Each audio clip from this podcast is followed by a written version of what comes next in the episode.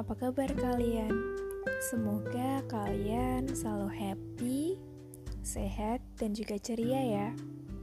Apalagi besok aja nih, kita udah mulai berangkat sekolah. Udah ngapain aja nih selama liburan? Hangout sama teman, quality time sama keluarga, atau rebahan di rumah, atau mungkin sibuk organisasi. Hmm, kadang permintaan-permintaan itu datangnya samaan gak sih? Anyway, aku mau tanya nih, kalian pernah nggak merasa sering gak enakan untuk nolak sebuah permintaan dan selalu menyenangkan orang lain? Mungkin tanpa sadar, kamu adalah seorang people pleaser. Jadi, apa sih people pleaser itu?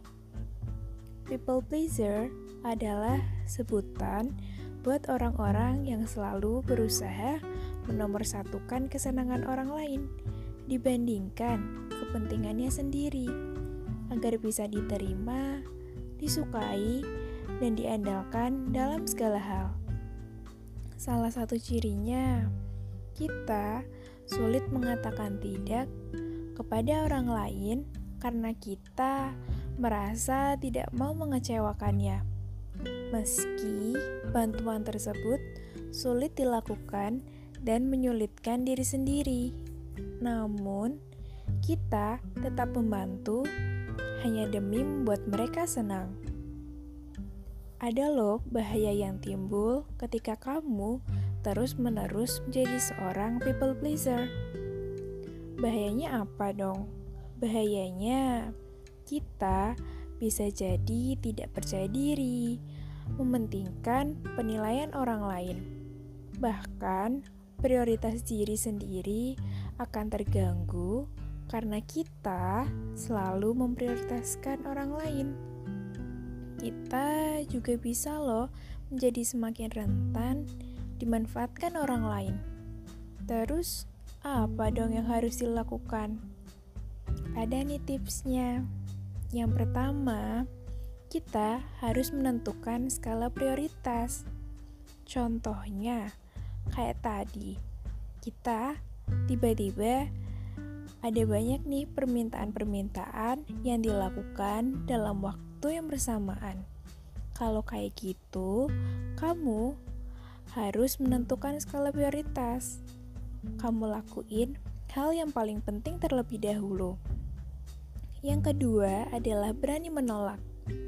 Karena kita harus tahu kapan kita bisa menerima permintaan dari orang lain agar tidak menyulitkan diri sendiri.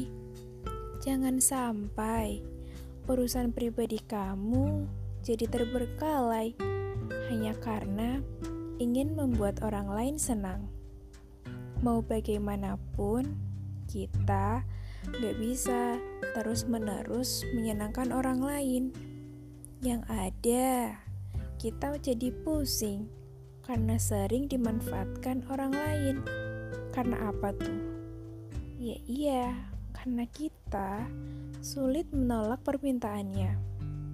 Jadi, kita harus memiliki kemampuan untuk menyampaikan apa yang kita rasakan dan juga apa yang kita inginkan dengan tegas, jujur, dan terbuka dengan tetap menghormati dan juga menghargai orang lain. Hmm, sekian dulu ya podcast dari Semansa Zone episode ini. Sampai jumpa di episode selanjutnya. Dadah.